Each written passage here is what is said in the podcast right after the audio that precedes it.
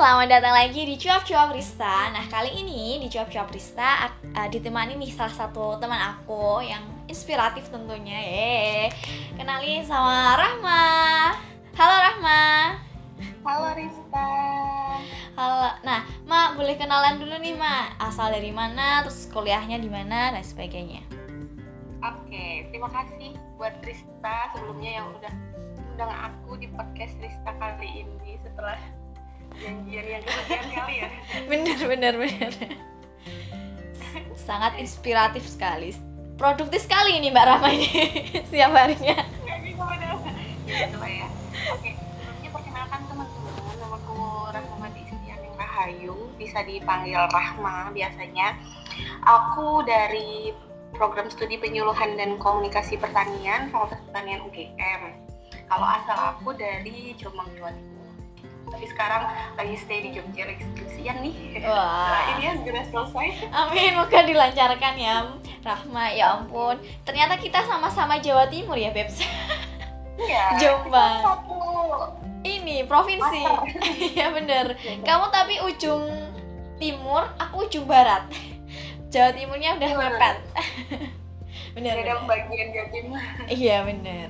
Nah, nih Ma, nih kayaknya nih lagi musim-musim ini ya apa ya di musim pandemik dan lain sebagainya. Terus eh, terus SBMPTN sama di usia-usia adik tingkat kita yang habis lulus SMA tuh kayak pusing banget mesti kuliah dan lain sebagainya.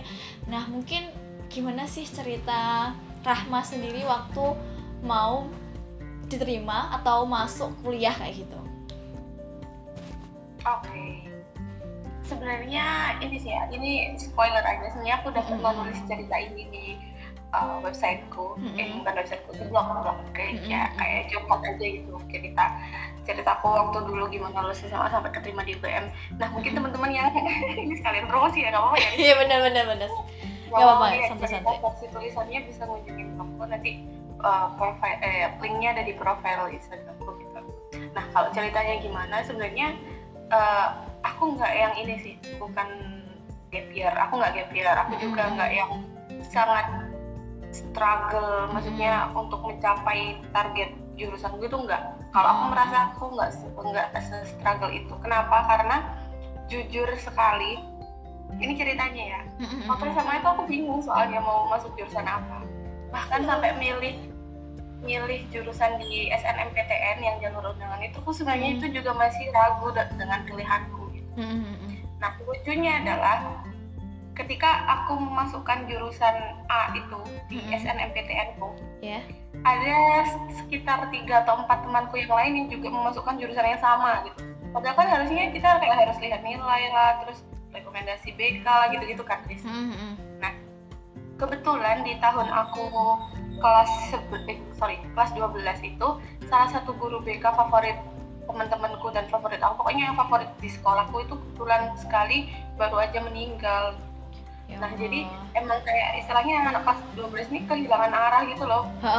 Pokoknya biasanya yang eh, eh, yang apa ya namanya menjuruskan Membimbing, atau yang eh. membimbing kita untuk memilih jurusan tuh guru tersebut dan tuh kebetulan beliau meninggal dan lahir batin Jogja itu Iya. juga bukan karena sakit tapi karena kecelakaan gitu jadi Ya kita Allah, di sisi lain ya. kehilangan di sisi lain Hmm. juga kita semakin sedih karena nggak ada yang bimbing untuk milih jurusan ya udah akhirnya kita pilih kita sepakatin sendiri satu angkatan gitu gitu lucunya aku tuh tahu kalau nilaiku tuh sebenarnya nggak setinggi temenku yang memilih jurusan yang sama tadi tapi aku tuh Mm-mm. nekat milih jurusan itu eh, soalnya aku di situ waktu itu PD punya sertifikat kan di jurusan itu tapi aku tuh juga apa ya nggak tahu ya aku kenapa pede banget ya waktu itu Ya, Yakin apa ya, yang penting. iya aku intinya yakin gitu Heeh. ya aku yakin Allah ngasih yang terbaik nggak apa-apa aku masukin jurusan ini nanti hasilnya gimana terserah Allah gitu Mm-mm. itu di titik itu aku sebenarnya juga udah siap SBMPTN karena ya aku lihat juga cerita-cerita dari alumni-alumni dari Hmm. kating-kating kamu jangan ngambil SNM kamu nanti kecewa gini-gini sebagus apa pun nilaimu itu masih ada peluang juga terima gitu kan ya udah di situ aku be- dari belajar cerita kating-kating dari alumni-alumni aku belajar SBM habis UN ya kalau salah pokoknya Hmm. sebelum UN bahkan aku mau belajar SBM ya. Hmm. pengumuman di baris Iya. Oke, oke, oke. Terus? di les-lesan pengumumannya kan jam 3 ya Mm-mm, jam 3 aku itu di tempat les dari jam 1 terus eh, teman-temanku itu beberapa janjian buat buka pengumuman di tempat les Mm-mm. tapi aku gak berani. Aku takut ketolak. Terus aku nangis di depan teman-teman. Aku takut kayak gitu kan. Mm-mm. terus aku nggak mau aku pulang dulu aja. Aku buka di uh, Rumah. kebetulan aku Mm-mm. di asrama gitu kan. Aku Mm-mm. buka di asrama aja pengumumannya gitu. Terus ya udah oke dari tempat les aku pulang. Padahal tuh di tempat les kondisinya aku tuh tahu kabar dari beberapa temanku dan mereka tuh semua. Dan kayak tinggi tinggi taksis ITS terus ada yang di mana lagi gitu. Mm-mm. terus akhirnya aku buka di asrama sama satu temanku yang lain. Dan ternyata kita ditolak. Aku sama temanku itu ditolak. Hmm. terus ya meskipun udah siap SBM ya katanya ya dan aku merasa udah siap tapi nyatanya aku tetap nangis soalnya iya bener. Sama pak. Terus iya bener. Terus kayak apa ya tetap aja sih ada harapan pengen diterimanya tuh masih ada sih mah tetepan iya betul betul, banget dan aku merasa kayak wah ini berarti aku belum sepenuhnya bergantung ke Allah dengan Iya. hasilnya gitu kan Heeh. Terus aku di tel- aku telepon orang tua aku tuh juga masih nangis Hmm. gitu dan tuh dari pengumuman kan dari sekitar jam 4 kali ya aku bukanya Hmm. sampai maghrib itu masih nangis ya Allah kalau terus kayak Mm-mm. ya ya sedih-sedih lah ya biasa sedih Iya. kalau soalnya aku merasa itu adalah eh, kali pertama aku ditolak dalam hal eh, pendidikan itu ya maksudnya bukan dalam hal romantis bukan bukan Mm-mm. maksudnya kayak pas ke sekolah Heeh. biasanya dari SD sampai SMA itu kayak alhamdulillah lancar gitu. Mm-mm. ini udah masuk sekolah ya sekali ditolak tuh kayak mantep gitu. Iya bener. Terus terus? Makanya ya udah untungnya sih alhamdulillah aku tuh punya temen yang support punya orang tua yang supportif juga. Jadi setelah ditolak tadi aku juga maksudnya sedihnya tuh nggak berlarut cuma sehari dua hari itu ya udah aku move on aku harus belajar SBM mau nggak mau gitu kan. Mm-mm. oke aku belajar SBM aku belajar SBM dan lain-lain dan lain-lain. Nah di antara proses belajar SBM itu entah kenapa ya aku tuh nggak kepikiran utul UGM kalau di UGM kan ada ujian Iya masuk ada ujian masuk. Mm-mm. Aku tuh nggak kepikiran sama sekali karena posisinya orang tua aku tidak mengizinkan aku untuk kuliah Kuliah di luar Jawa Timur. Pengennya di Jawa Timur aja. Iya. Terus terus? Jadi Jawa Timur aja. Dari Heeh. SNMPTN dari SBMPTN tuh pilihanku semuanya Jawa Timur gak ada yang luar Jawa Timur. Heeh, heeh. tiba-tiba ada satu temenku yang ngajak aku untuk ikut utul yang tadi buka pengumuman bareng aku aku dia ngajak aku utul. Terus dia bilang gini mau kita berangkat bareng aja terus nyari penginapan bareng di sana jadi nggak usah eh, diantar ortu gitu. Maksudnya eh, mandiri gitu ya? nggak repotin ortu gitu lah terus juga Mm-mm. bareng-bareng berberapa ya. Ada berlima lebih gitu lah cewek-cewek semua. Mm-mm.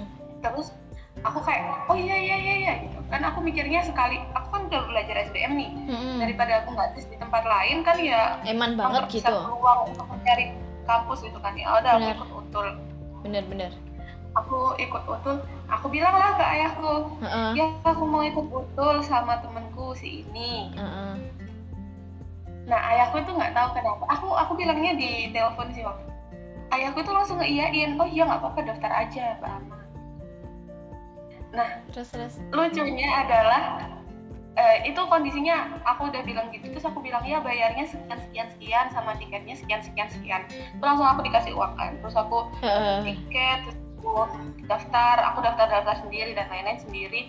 Waktu mau berangkat ayahku kaget. Kenapa? Aku ditanya "Hmm, mau ke mana? Mau ke Jogja? Bener kan ya? Terus aku kaget. Soalnya ayahku ngira aku tuh tes di Malang ya terus Jogja emang jauh sih Jombang sama Jogja. Ya jauh ya tapi nggak tahu kayaknya ayahku kayak keselip informasi kalau aku pernah mengatakan tempat tes di sini gitu. Nah terus? karena sudah terlanjur bayar udah terlanjur Beli tiket. sama hotel dan lain-lain akhirnya aku dibiarin buat berangkat. Untung ya untung itu kayaknya kamu ini ya kayak Allah tuh ngasih ini ke ayahmu biar Oh, disetujui bener banget deh, bener nggak tahu ya itu kita takdir ya. Iya. Jadi kalau misalkan aku, eh maksudnya misalkan ayahku waktu itu Heeh. jelas kalau aku izinnya ke Jogja, kodarullah mungkin aku juga di sini sekarang gitu. ya iya benar Terus kayak, ya Allah nggak tahu ya ini jalan banget benar benar Dan ya benar seperti yang disangka teman-teman aku masuk UGM itu dari jalur utul ya yang itu tadi yang aku yang yang Mm. dalam tanda kutip tanpa pengetahuan orang tua aku padahal aku udah izin izin gitu. Mm-mm. Oh. Nah, terus yang lucu adalah gini, Riz. gimana gimana Aku SBM alhamdulillah keterima juga Mm-mm. SBMPTN. Tapi di pilihan ketiga Mm-mm. itu Jawa Timur berarti oh, di Jawa Timur. Mm-mm. Nah, di UTUL ini kan aku masukin tiga pilihan ya di UTUL. Mm-mm. Dari pilihan satu, dua, tiga. Ayahku itu bilang gini karena mungkin tahu kalau aku ada kemungkinan kuliah di Jogja ya. Ayahku Mm-mm. bilang gini. "Eh, Mbak Ama nanti kalau keterima pilihan satu langsung aja ambil, maksudnya tanpa berpikir panjang. Tapi Mm-mm. kalau keterima pilihan tiga yang utul, nggak usah diambil, ambil aja yang SPM. Tapi Mm-mm. kalau keterima pilihan dua, nah itu nanti baru kita pikir dulu. Gitu. Iya terus masya Allah Dan Ini ya. Ternyata, terus terus ternyata aku utulnya malah keterima pilihan dua, Riz. Jadi ternyata Iya. sekarang itu Eh, pilihan dua gitu. Terus Mm-mm. kayak, aduh ini bingung lagi nih ayahku nih, aku boleh kuliah kan di Jogja apa enggak ya? Gitu. terus terus terus setelah melewati eh, aku membujuk ayahku sih kayak ya nggak apa ya kuliah di Jogja ya. Ya UGM ya UGM gitu Heeh. iya sih terus? Karena di lain sisi ju- juga aku seneng. Ya siapa ya nggak seneng ya? Iya, bener. di kamu terbaik Indonesia masya Allah. Sekarang aja mau gitu. Masih masih ini Heeh. ya gitu. Terus akhirnya eh ya udah akhirnya ayahku mengizinkan aku untuk kuliah di sini gitu. Nah tapi eh, alhamdulillah juga meskipun pilihan dua ya di sini Hmm. tapi aku kayak merasa bersyukur banget sama Allah kenapa aku ditempatkan di jurusan yang sekarang gitu karena jujur dulu ka- kan aku udah bilang ya tadi di awal aku sebenarnya tuh bingung milih jurusan Mm-mm. karena aku kayak nggak punya tujuan dan nggak punya cita-cita yang spesifik gitu Mm-mm. tapi aku aku memang tidak tertarik di bidang kesehatan sama teknik pokoknya Hmm. aku nggak mau masuk dua bidang itu jadi kan Heeh. eh, mau nggak mau aku kalau nggak di agro di saintek atau di sosial gitu iya kan. Nah, kebetulan waktu itu aku tuh lagi tertarik di bidang sosial Eh, aku pengen masuk psikologi Mm-mm. posisinya aku anak IPA nih aku anak IPA Heeh. pengen masuk sosiologi oh pengen heeh. masuk eh, hukum sorry sosum di psikologi Mm-mm. dengan kondisi aku SBM-nya itu nggak belajar sosum kayak gitu oh. Dan aku udah tahu pasti aku nggak dibolehin ayahku kalau aku Ambil. jurusan iya gitu. terus kayak aku ya udah lah ya mungkin ini eh, jalanku gitu. Dan terus? kamu tahu nggak Riz? Kenapa? Waktu aku di PKP eh, kalau prodiku singkatannya kan PKP ya? Iya. Ternyata psikologi. komunikasi pertanian. Iya bener. Di dalamnya itu malah belajar banyak tentang psikologi Iya. tentang sosial yang dihubungkan dengan sektor agro yang mana itu masih serumpun saintek gitu. Lah iya. Jadi aku sekarang bener. di prodi sekarang tuh aku merasa aku saintek di- alhamdulillah ngerti dikit-dikit ya. Mm-mm. maksudnya di budidaya alhamdulillah juga sedikit ngerti di pengolahan sama penyakit ngerti di tanah juga sedikit ngerti tapi sisi juga aku belajar tentang sosial uh, humanioranya gitu Mm-mm. matkulku itu mungkin kamu pernah ikut matkul-matkul di prodigo ya sering Kayak ada penyuluhan Heeh. ada sosiologi pertanian ada pendidikan orang dewasa ada psikologi manusia juga pokoknya uh, istilahnya PKP itu sosumnya agro gitu dan ternyata agro, gitu. Dan ternyata ternyata ini yang aku cari dulu gitu Riz kayak kayak terjawab Oh. banget gitu ya Maya ya bener banget.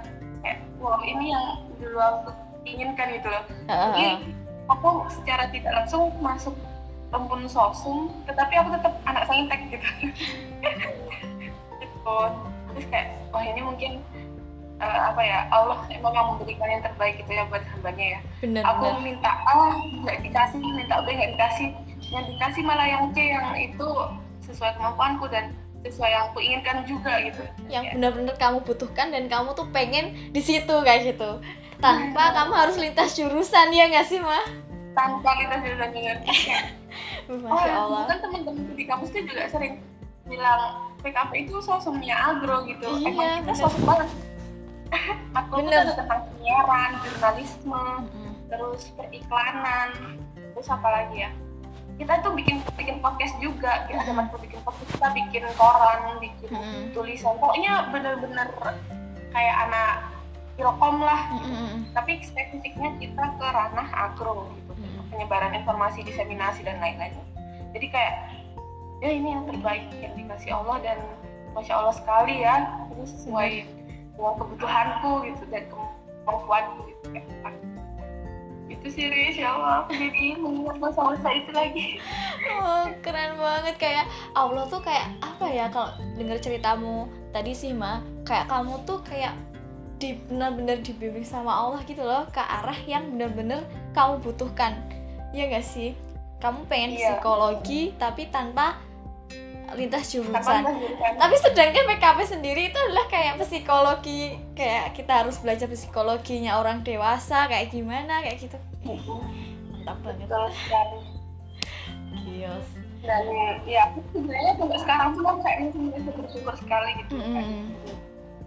soalnya aku eh, apa ya kayak banyak kemudahan-kemudahan yang akhirnya diberikan Allah saat aku masuk UGM gitu. aku Mm-mm. banyak bersyukur juga ketemu teman-teman yang baik yang support kayak Rispa ada banyak lah akhirnya aku dapat banyak hal di UGM yang belum tentu aku dapat saat aku dulu masuk di SNM atau SBM gitu kan ya aku bersyukur banget ada di sini bisa belajar dari banyak orang gitu ya meskipun terkadang juga merasa berat ya memikul nama UGM di pundak gitu.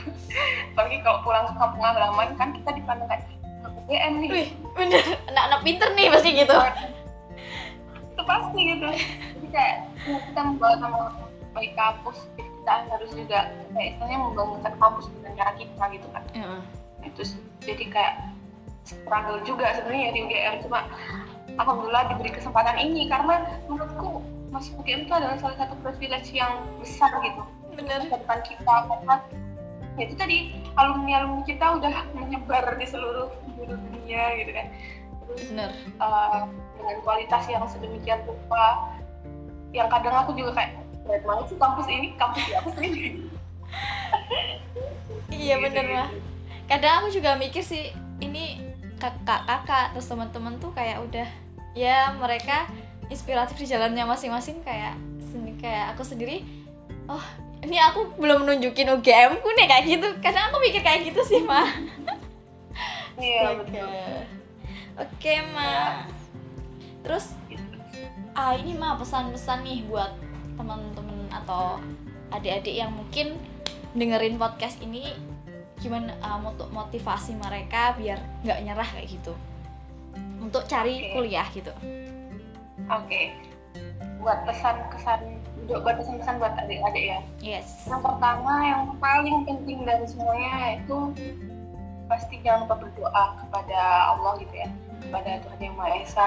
Karena benar-benar kalau kita tanpa Allah itu kita bukan apa-apa gitu. Sebagaimanapun usahamu sebesar apa pun effortmu kalau nggak diizinkan Allah ya nggak bakalan terjadi gitu. Jadi itu yang paling pertama. Kamu harus benar-benar tulus meminta tulus kayak untuk ya Allah eh, tunjukkan jalan yang terbaik berikan yang terbaik. Ya eh, pasrahkan saja istilahnya tawakal setelah berusaha gitu. Yang kedua eh, jangan lupa untuk izin orang tua gitu ya. Ya meskipun aku tadi sedikit ada miskom sama orang tuaku tapi eh, istilahnya kan aku udah izin ya. Aku tesnya aku udah tapi memang ternyata ayahku salah kira dan alhamdulillahnya ayahku akhirnya mau menoleransi hal itu gitu karena aku yang eh, akhirnya terima juga di sini. Jadi izin orang tua itu juga penting. Ke ibu juga penting. Kalau ibuku kebetulan menurut ayahku kan jadi kayak ya udah aku dibolehin ya nggak apa-apa kalau nggak dibolehin ya di sini. Tapi alhamdulillah ibuku memang biasanya nganut ayahku. Nah, jadi ketika aku diizinkan di Jogja, alhamdulillah ibu bisa setuju gitu. Yang kedua jangan lupa izin ke orang tua.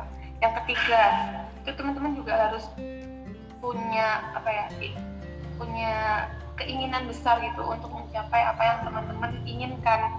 Jangan cuma ngomong aja tapi juga harus diusahakan gitu loh. Nah itu sih. Terus kalau misal pun gagal nggak apa-apa.